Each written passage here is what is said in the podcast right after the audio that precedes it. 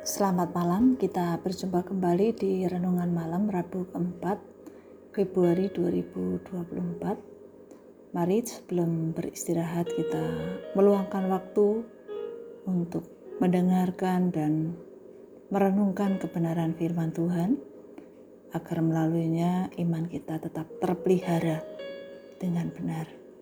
Sebelumnya kita berdoa mohon pertolongan Tuhan. Bapa yang di surga, kami berterima kasih untuk anugerah Tuhan, kasih setia Tuhan yang sudah memampukan kami untuk menjalani kehidupan di hari ini. Bapa, kami menyadari bahwa kami sangat memerlukan Engkau agar melaluinya Tuhan, kami bukan hanya semakin mengenal Tuhan, tapi kami juga diperlengkapi dalam menjalani hidup kami, di mana kami masing-masing berbeda, namun melaluinya Tuhan kami boleh belajar saling mengenal satu dengan yang lain karena sesungguhnya kami semua adalah satu tubuh di dalam Kristus dan biarlah kita masing-masing dapat menjalankan peran kami dengan benar. Berbicara ya Tuhan, kami siap untuk mendengar. Dalam nama Tuhan Yesus kami berdoa. Amin.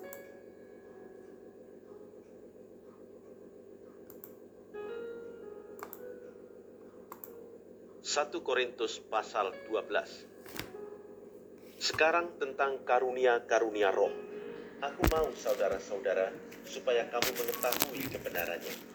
Kamu tahu bahwa pada waktu kamu masih belum mengenal Allah, kamu tanpa berpikir ditarik kepada berhala-berhala yang bisu. Karena itu, aku mau meyakinkan kamu bahwa tidak ada seorang pun yang berkata-kata oleh roh Allah dapat berkata, terkutuklah Yesus. Dan tidak ada seorang pun yang dapat mengaku, Yesus adalah Tuhan selain oleh roh kudus. Ada rupa-rupa karunia, tetapi satu roh. Dan ada rupa-rupa pelayanan, tetapi satu Tuhan. Dan ada berbagai-bagai perbuatan ajaib, tetapi Allah adalah satu yang mengerjakan semuanya dalam semua orang tetapi kepada tiap-tiap orang dikaruniakan penyataan roh untuk kepentingan bersama. Sebab kepada yang seorang roh memberikan karunia untuk berkata-kata dengan hikmat, dan kepada yang lain roh yang sama memberikan karunia berkata-kata dengan pengetahuan. Kepada yang seorang roh yang sama memberikan iman, dan kepada yang lain ia memberikan karunia untuk menyembuhkan kepada yang seorang. Roh memberikan kuasa untuk mengadakan mujizat. Dan kepada yang lain ia memberikan karunia untuk bernubuat dan kepada yang lain lagi ia memberikan karunia untuk membedakan bermacam-macam roh. Kepada yang seorang ia memberikan karunia untuk berkata-kata dengan bahasa roh dan kepada yang lain ia memberikan karunia untuk menafsirkan bahasa roh itu. Tetapi semuanya ini dikerjakan oleh roh yang satu dan yang sama, yang memberikan karunia kepada tiap-tiap orang secara khusus seperti yang dikehendakinya.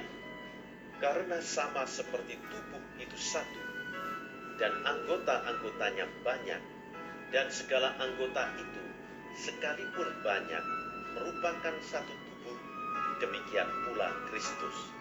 Sebab dalam satu roh, kita semua, baik orang Yahudi maupun orang Yunani, baik budak maupun orang merdeka, telah dibaptis menjadi satu tubuh dan kita semua diberi minum dari satu roh.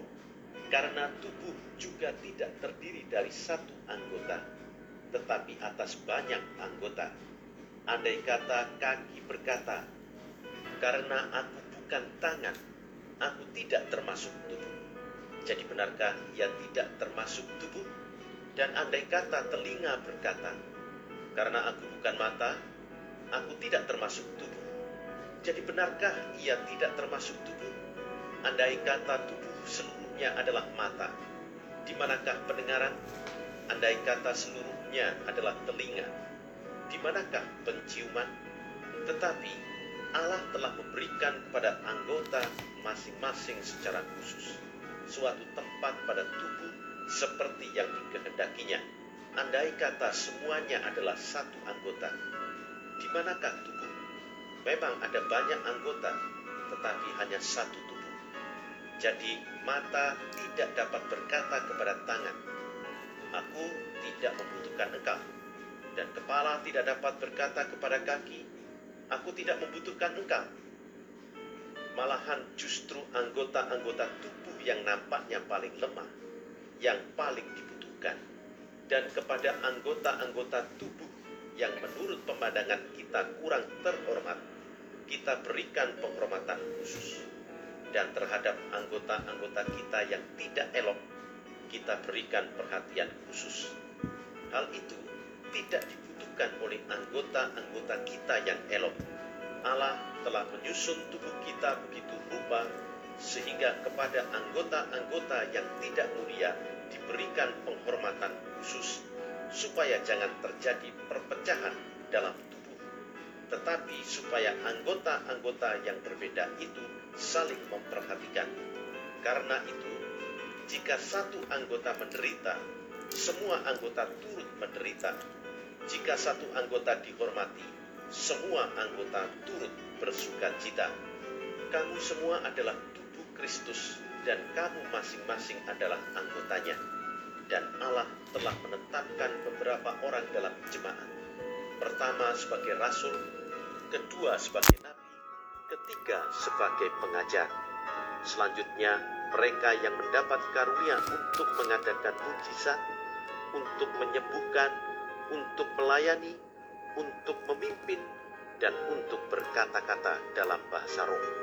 Adakah mereka semua rasul atau nabi atau pengajar?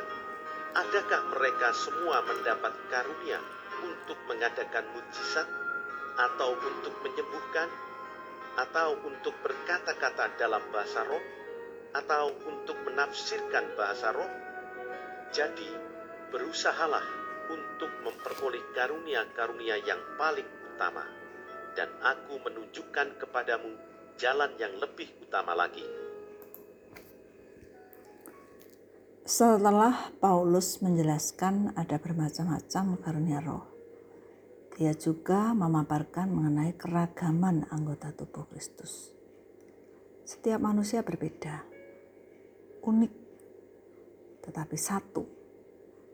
Walaupun kita berbeda, tetapi kita adalah satu kesatuan di dalam Kristus. Oleh sebab itu, masing-masing anggota saling menghormati dan melengkapi. Tidak ada yang lebih rendah maupun lebih unggul. Semua sama dan satu di dalam Kristus. Kesatuan di dalam Kristus inilah yang semestinya kita wujudkan dalam kehidupan sehari-hari. Ketika salah seorang saudara kita berkumpul, kita turut merasakan pergumulannya. Kita berempati. Hal itu bisa terjadi karena kasih Kristus. Kita bersatu. Dengan kasih Kristus kita dapat merasakan kesedihan orang lain. Ketika satu anggota menderita, seluruh anggota yang lain turut merasakan penderitaan itu. Mari kita saling mendukung, mendoakan, memberikan semangat dan sebagainya. Janganlah kita mengingat saudara kita ketika kita sedang mengalami kesulitan, sedang mengalami masalah, tetapi melupakan ketika kita sedang senang atau bahagia. Mari kita bersatu ketika senang, bersatu ketika mengalami kesedihan. Ingatlah, berbeda, namun tetap satu di dalam Kristus. Mari kita berdoa. Bapa yang di surga, kami berterima kasih. Firman-Mu mengingatkan bahwa kami masing-masing berbeda. Namun biarlah perbedaan itu tidak menjadi penghalang bagi kami untuk setia kepada Tuhan. Untuk kami bersatu, sehati, sepikir. Karena kami sesungguhnya adalah satu tubuh di dalam Kristus. Engkau menolong kami untuk peka, melihat kondisi sesama kami. Merasa senang ketika sesama kami sedang senang. Bisa merasakan kesedihan sesama kami ketika sedang mengalami kesedihan. Mari Tuhan kau menolong kami agar kami sungguh-sungguh menyadari bahwa kami sebagai orang-orang percaya memiliki tanggung jawab masing-masing sebagai anggota tubuh Kristus. Dan kehidupan kami, kehadiran kami, Tuhan pakai untuk menjadi contoh yang baik bagi orang-orang di sekitar kami. Terima kasih Bapa. Kami bersyukur berdoa dalam nama Tuhan Yesus. Amin. Bapak Ibu sekalian, selamat malam, selamat beristirahat. Tuhan Yesus memberkati. Amin.